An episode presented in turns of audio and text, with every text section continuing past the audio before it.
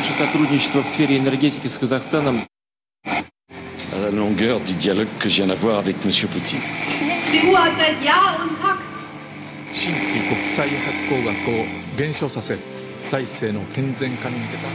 Símbolo del fascismo en Sudamérica. मगर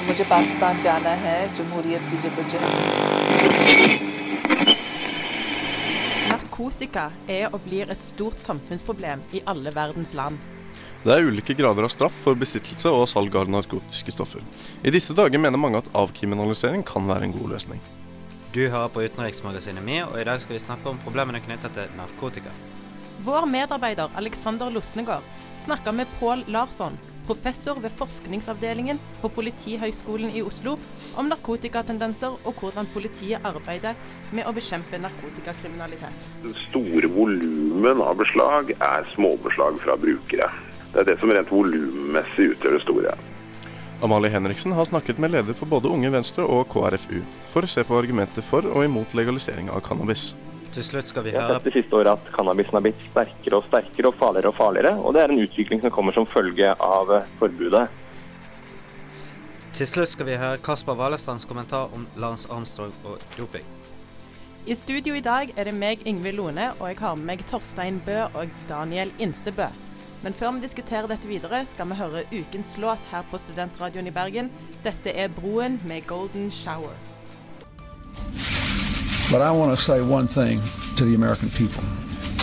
I did not have sexual relations with that woman, Miss Lewinsky. I never told anybody to lie, not a single time, never. Sannheten kommer alltid for en dag i utenriksmagasinet MIR. Der hørte du Broen med Golden Shower. Vår medarbeider Alexander Losnegård har snakka med Pål Larsson, professor ved forskningsavdelingen på Politihøgskolen i Oslo, om narkotikatendenser og hvordan politiet arbeider med å bekjempe narkotikakriminalitet.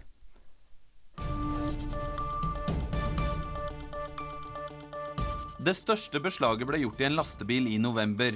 Tollvesenets narkotikahund hadde luktet seg frem til 146 kilo hasj og 9 kilo amfetamin. Narkotikahunden markerte raskt, og i ti av kassene fant tollerne noen få klasser bananer og 145 kilo kokain.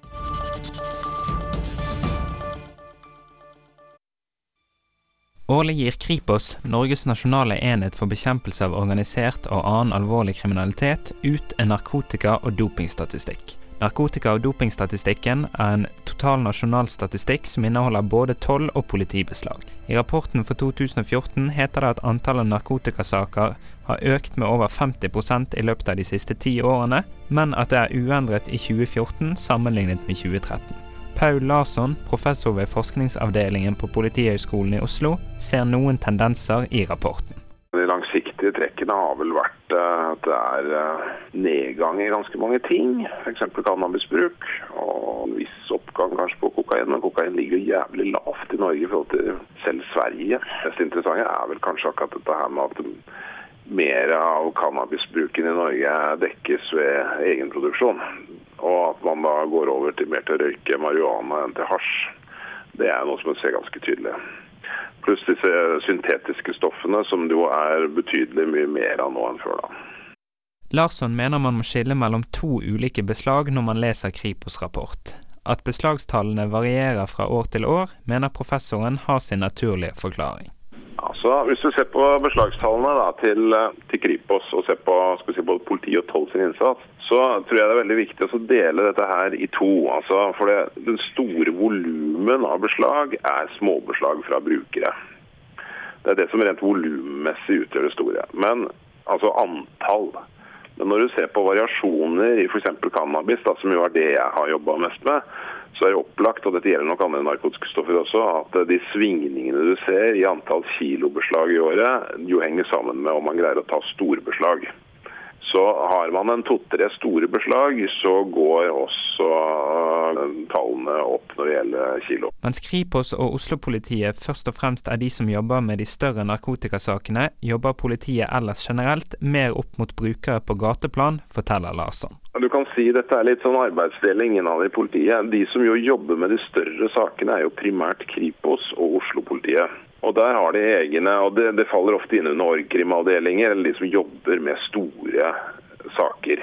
Og eh, rundt omkring i distriktene så er det mye mindre av det, altså. Så, og der har man jo, skal vi si, Politiet generelt i Norge har jo jobba mer opp mot uh, brukere og på gateplan, for å si det sånn. altså. I TV-serier og på film ser man gjerne at politiet lar de små forbryterne slippe unna i håp om å fange større fisk.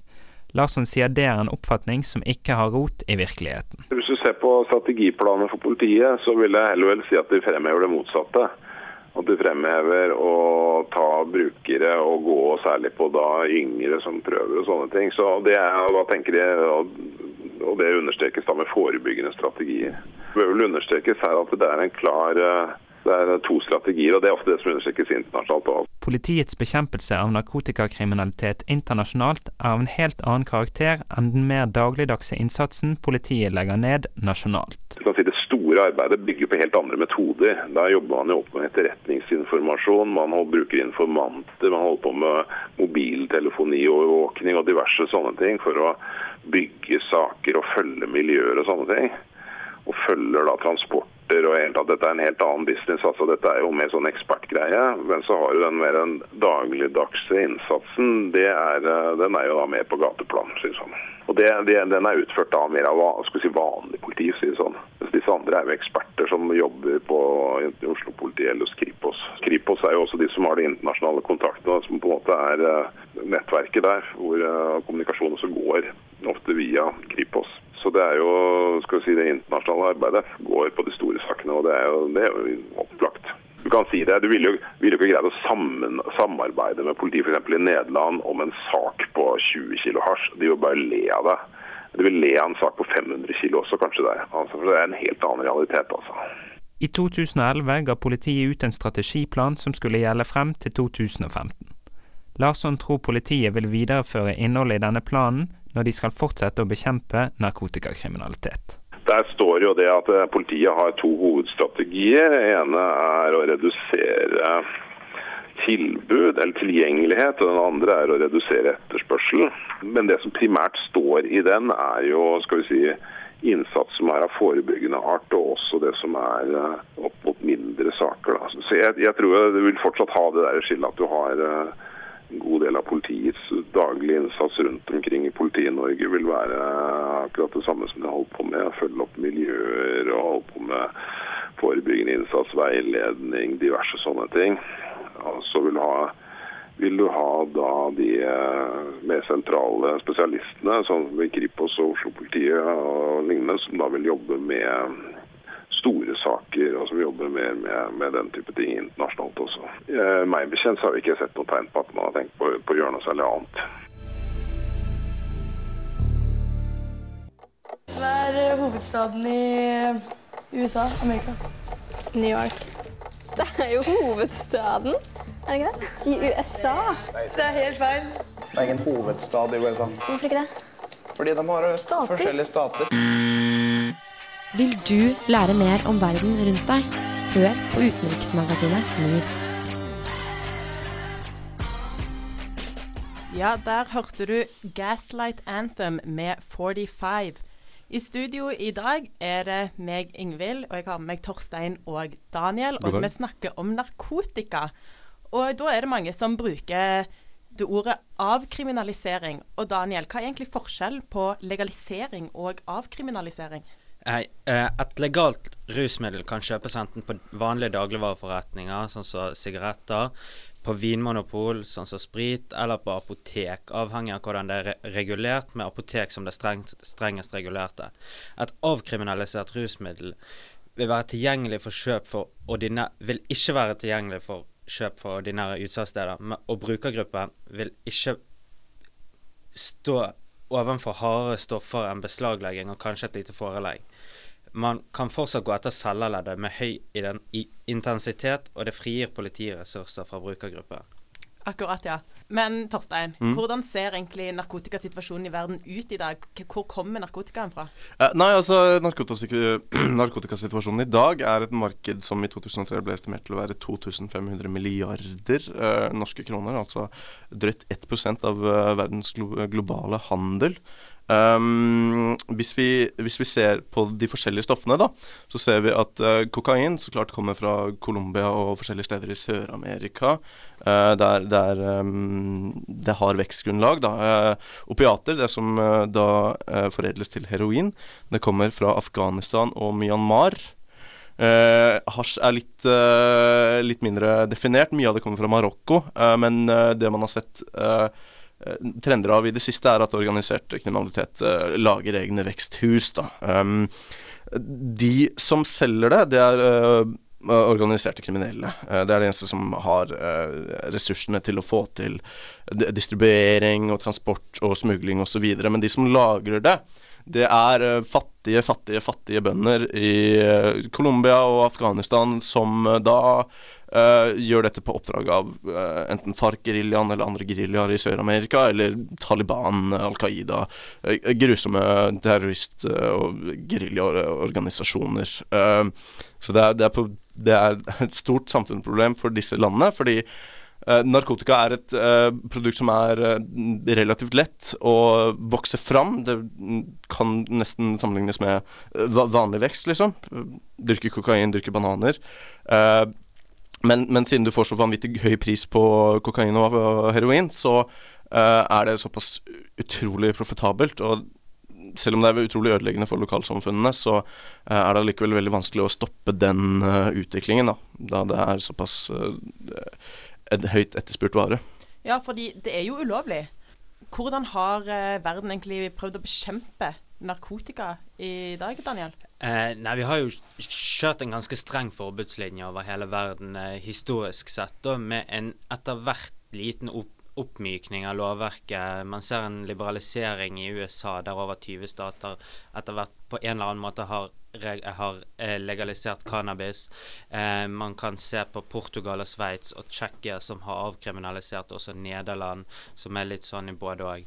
Eh, man ser en oppmykning, men Sørøst-Asia, der er det fortsatt veldig strengt regulert. og Der kan man oppnå i mange stater eh, dødsstraff for smugling og veldig harde straffer for bruk, besittelse og oppbevaring.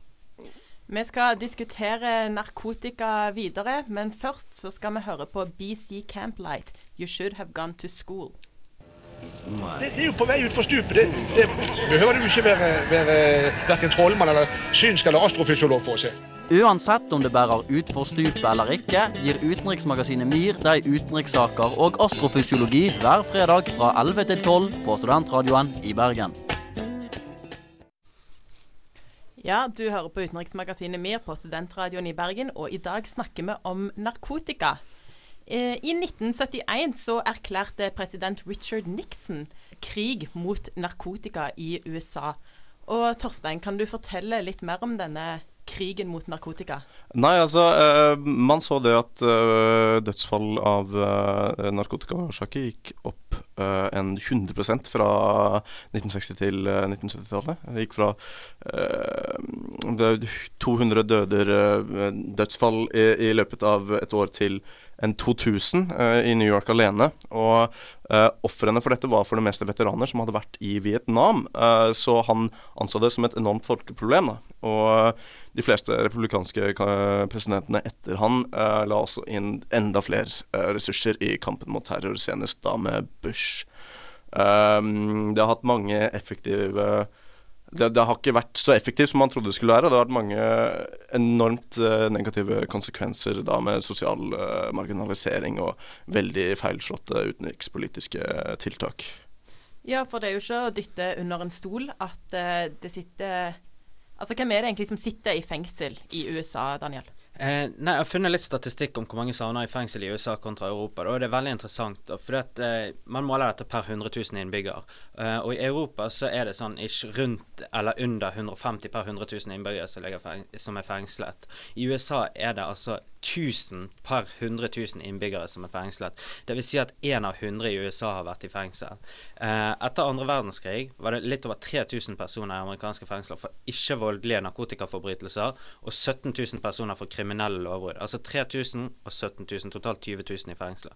I dag har tallet på kriminelle lovbrudd økt med 300 eh, og tallet for ikke-voldelige narkotikaforbrytelser har økt med 2500 Det er sløsing med ressurser, det. Og det er bare for simpel oppbevaring.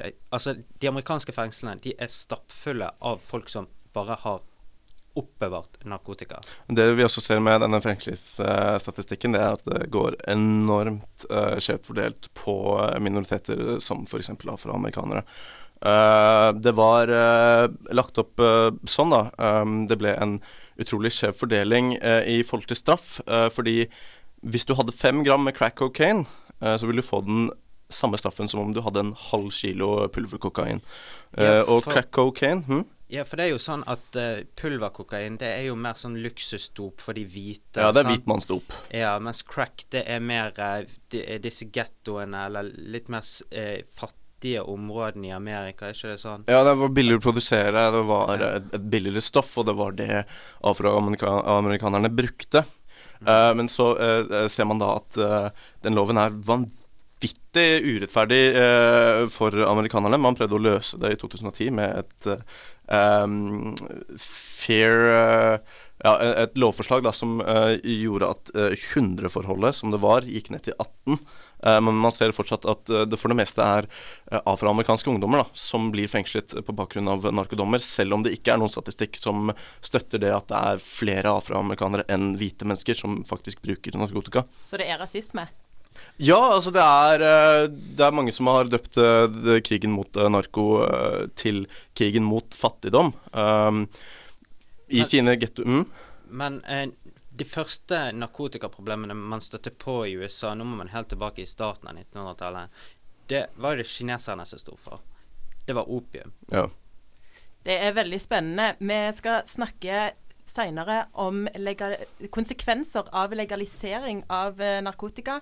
Men først skal vi høre Jarle Bernhoft med 'In the stress Streets Where the World Passes Me By'. Vår medarbeider Amalie Henriksen har snakka med leder for både Unge Venstre og KrFU for å se på argumenter for og imot legalisering av cannabis. It's written right here. Absolutely clear that ganja herb is the healing of the nation. So don't have no fear Denne uken kom en ny forskningsrapport basert på en amerikansk studie, som viser at det har blitt mindre kriminalitet som følge av legalisering av medisinsk cannabis i USA. Studien viser at smuglere blir utkonkurrert, og mye kriminalitet forsvinner som følge av at land legaliserer marihuana. Allikevel har andre forskningsrapporter vist at jevnlig bruk av stoffet vil kunne føre til psykiske lidelser som f.eks. schizofreni. Kristelig Folkepartis Ungdom er mot legalisering av dette rusmiddelet, fordi de mener at det vil kunne være med på å uskadeliggjøre bruk av et stoff som vil kunne være skadelig på kroppen. Unge Venstre derimot ønsker å legalisere marihuana og få det over i et regulert marked. Jeg tok en prat med lederne i de to ungdomspartiene for å høre deres argumenter for og mot legalisering av cannabis. Unge Venstres leder Tord Hustveit mener at forbudet har hatt mange negative konsekvenser. Det fører til økt kriminalitet, eh, og det gjør at vi har mistet kontrollen over eh, hvilke stoffer som er ute på markedet. Vi har sett det siste året at cannabisen har blitt sterkere og sterkere og farligere og farligere. og Det er en utvikling som kommer som følge av eh, forbudet. Og Vi mener det finnes et alternativ, og det alternativet er legalisering. Da får du tatt cannabisen inn i ordna former, man har eh, profesjonelle som selger det. Eh, du kan se for deg en modell som ligner på det man har med Vinmonopolet, hvor de som, som jobber der har et uh, samfunnsansvar og uh, legger til rette for at det ikke skal selges til de som har størst problemer og største utfordringer. Og så har vi sett at uh, mange av de som er brukere, har store problemer selv. Og Da mener vi at det er viktig å ha et system som legger opp til at de blir tatt vare på, og straff og ikke seg å gjøre at færre bruker. Det er helt tilfeldig hvor mange som bruker i ulike land. Eh, det kommer ikke an på straff, men andre ting. Og Det viktigste er altså sosiale tiltak, forebygging og hjelp til de som trenger det. Og Da mener jeg at det må være hovedfokuset i norsk ruspolitikk, og ikke straff. Noe mange av motstanderne av legalisering bruker som argument, er at bruk av marihuana kan fungere som en lenke til tyngre stoffer. Hustveit og Unge Venstre mener at legalisering faktisk vil være en løsning på dette problemet. Eh, En norsk forsker som heter Willy Pedersen har sett på sånn hvor, hvor stor grad cannabis er en sånn eh, stepping stone til sterkere stoffer. Og Han mener at det først og fremst er det som følge av forbudet, som gjør at når man kjøper cannabis i dag, så kommer man i kontakt med de samme som selger sterkere stoffer. Og de som selger sterkere stoffer har veldig sterke motiv for å få deg avhengig. Veien fra cannabis blir da veldig kort over til sterkere stoffer. Hvis man skiller ut cannabis og selger det hos lisensierte eh, ansvarlige foretak, så vil det gjøre at det ikke lenger vil være en like sterk vei inn til sterkere rusmidler. Emil André Erstad, leder i KrFU, er uenig med Unge Venstres politikk for legalisering. KrFU mener at dette vil kunne gå hardt utover de vanskeligstilte samfunnsgruppene. Ja, legalisering vil først og fremst være skadelig for de som allerede sliter på skolen, som sliter i arbeidslivet, som sliter økonomisk. Eh, Det er disse gruppene som blir rammet hardest av en eventuell legalisering av cannabis. KrFU-lederen legger vekt på at de to rusmidlene alkohol og cannabis ikke kan byttes ut med hverandre. Det en i dag klarer å fange opp gjennom et apparat som, eh, som tilbyr hjelp og behandling, det vil da ikke være eh, slik i framtida. Da vil en jeg eh, vil kunne sende signal om at det er greit å bruke cannabis når en vil. Og Problemet med denne debatten er at de som vil legalisere cannabis, Unge Venstre f.eks., legger til grunn at en kan bytte ut alkohol med cannabis. Men det er jo ikke tilfellet i virkeligheten. Og, og da blir det alkohol og cannabis. Eh, og det er ikke tilfellet at noen bruker bare cannabis istedenfor alkohol. Eh, Og det vil bli en kombinasjon som da vil føre til enda mer ruskonsum. eh, Som igjen vil føre til enda mer avhengighet og skade. Erstad legger vekt på at legalisering av cannabis vil kunne føre til avhengighet hos noen grupper av mennesker. Men, Altså, marihuana er jo omtalt som mindre skadelig enn alkohol, og det, det kan jeg på enkelte tilfeller være med på at, at det er riktig. Eh, For enkelte er det det. Eh, For andre, eh, som, som mange forskere har påpekt, kan cannabis være mer skadelig. og Det gjelder spesielt de som er utdanningsmessig og sosialt belasta. Det er disse som vil oppleve de største negative konsekvensene ved legalisering av cannabis. Og det er der avhengigheten og eventuelt skadene vil kunne være større enn ved f.eks. alkohol. Om det er KrFU eller Unge Venstre som har den beste argumentasjonen, blir opp til dere der ute å debattere. Og om legalisering av marihuana noensinne blir et faktum, gjenstår å se. Legalisering har vist seg å være en trend i bl.a. USA, der flere og flere stater legaliserer marihuana. Men vil dette være det beste for Norge?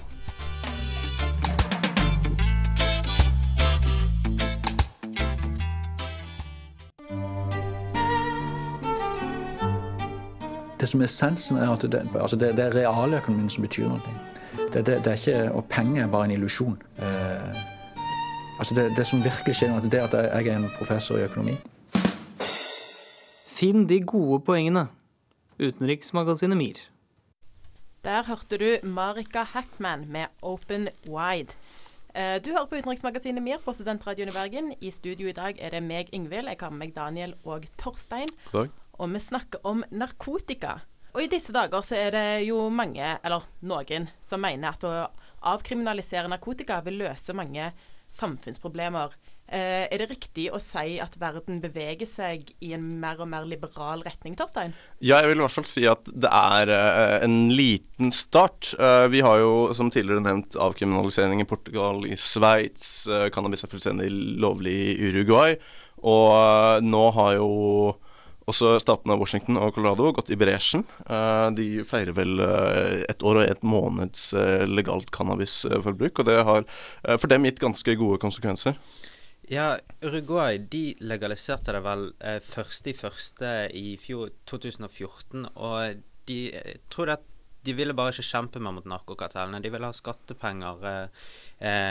De ville prøve å De som var hektet, at de skulle få behandling fremfor å sette de i fengsel. Så de så ikke helt vitsen i å sette de i fengsel. Ja, altså Det samme har skjedd i Washington og Colorado. Uh, Istedenfor at uh, disse pengene går til karteller og organisert kriminalitet og til mer vold uh, blant uh, gjengene, så har disse pengene gått til skoler, og det har gått skatt til lokalsamfunnet. Det har gått samfunnet til gode.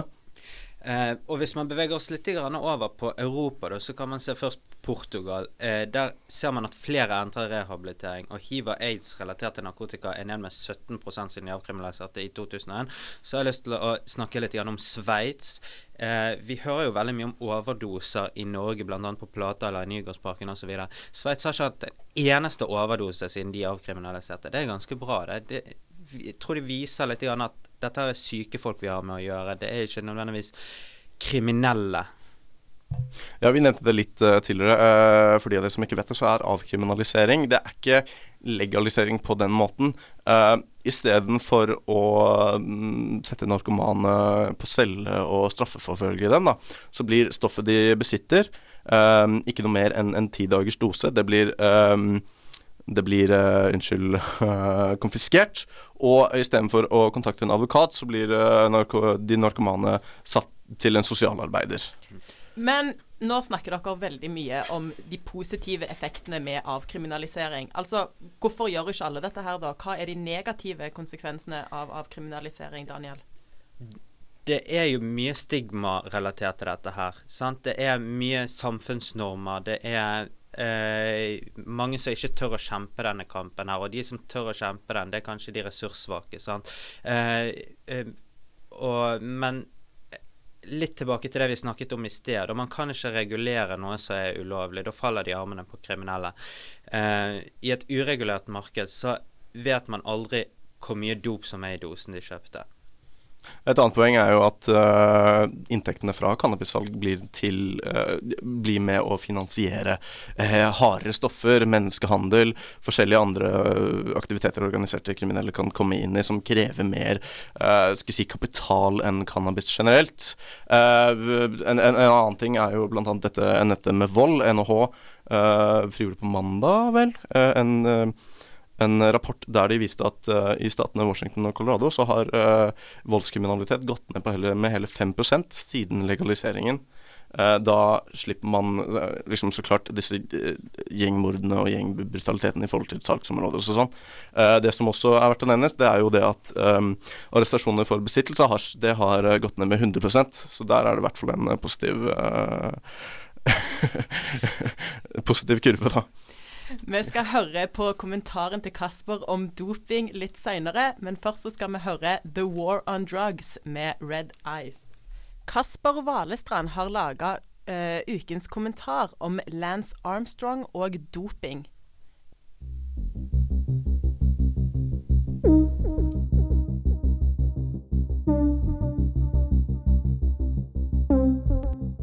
Skal du lyve om noe, så må du lyve stort. Det holder ikke bare med å si at du ikke har gjort det. Sitat Lance Armstrong. Jeg har vært en fantastisk sykkelentusiast helt siden den vårdagen i 2002, da min far fant ut at NRK og TV 2 ikke lenger var nok.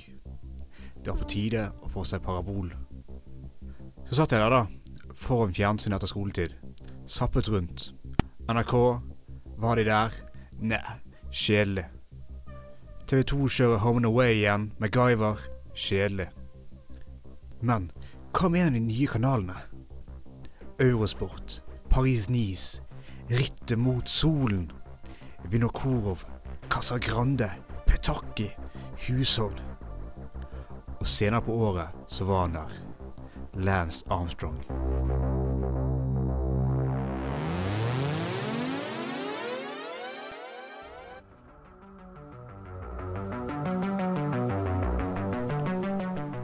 Spol noen år frem. Lance har lagt opp etter å ha vunnet Tour de France syv strake ganger. Han har fått meg fra barneår til ungdomsår. Sittet i front med sine lojale hjelpere i US Postal gjennom alper og pioneer, i solskinn, sludd og på brosten. Han hadde avvist hver eneste utfordrer som hadde prøvd seg. Han ga seg på topp. Nå skulle han arbeide for kretssaken. Og jeg var selvfølgelig med. Med med mitt gule bånd rundt håndleddet. Men det var noe som var rart. I 2004, året før Lan skar seg, ble hans gamle lagkamerat Tyler Hamilton tatt for doping etter å ha vunnet OL-gull. Og i 2006 ble Før Landis tatt for doping i Tour de France. Landis hadde sprukket i fjellene og mistet den gule ledtøyen som han hadde. Men dagen etter, på den 17. etappen, så våknet han opp som et helt nytt menneske. Et menneske med veldig mye testosteron i seg. Som en villmann jaget han gjennom etappen. Tolv mil i solo, seks minutter foran nærmeste utfordrer.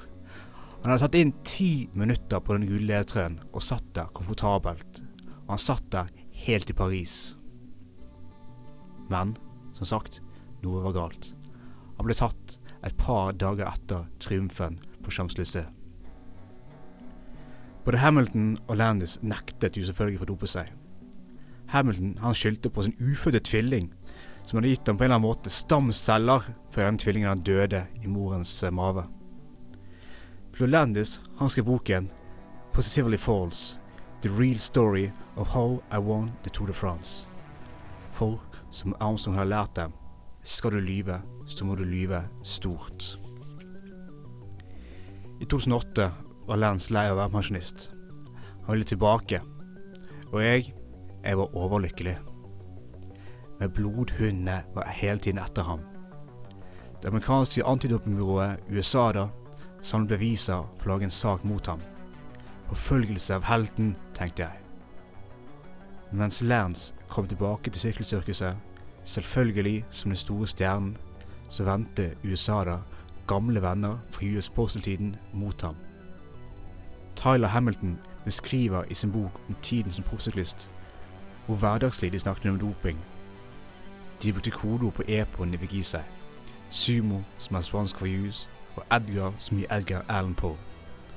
Alt dette var som en spionroman, der det gøyeste de visste, var om å lure seg unna dopingjegerne. Men Lance var jo tilbake. Ikke like god som før, men mannen han laget liv, gjorde ting ekstra spennende.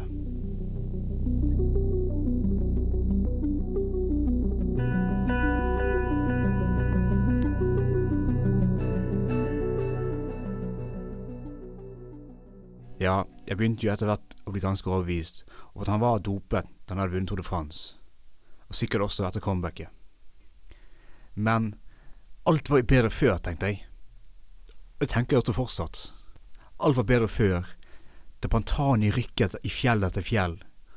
Ulrich satt der og pumpet vatt etter vatt. Det var Epon som snakket. Epon snakket hele tiden, men det gikk fort, det var gøy, og Lance, han var den store stjernen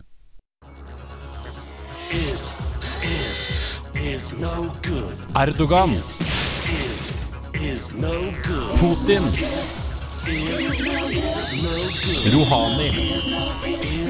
Alle ville lede sine land tilbake til storhet. Følg med på utenriksmagasinet MIR for mer om deres sleske planer. I utenriksmagasinet MIR i dag har vi snakka om narkotika. Og vi har snakka en del om dagens narkotikatilstand. Hva mer har vi snakka om? Nei, Vi har snakket om uh, krigen mot uh, narko, og hvordan den har uh, forespilt seg. Takk til Amalie Henriksen som har intervjuet Unge Venstre og KrFU. Takk til Alexander Losnegård som har intervjuet professor Per Larsson om norsk narkotikabekjempelse. Og takk til Kasper Valestrand for ukens kommentar om doping. Har du ris eller ros eller bare noe du vil si, så send et, uh, en SMS med kodeord SRIB til 1963. Hør for guds skyld også på podkasten vår fra srib.no,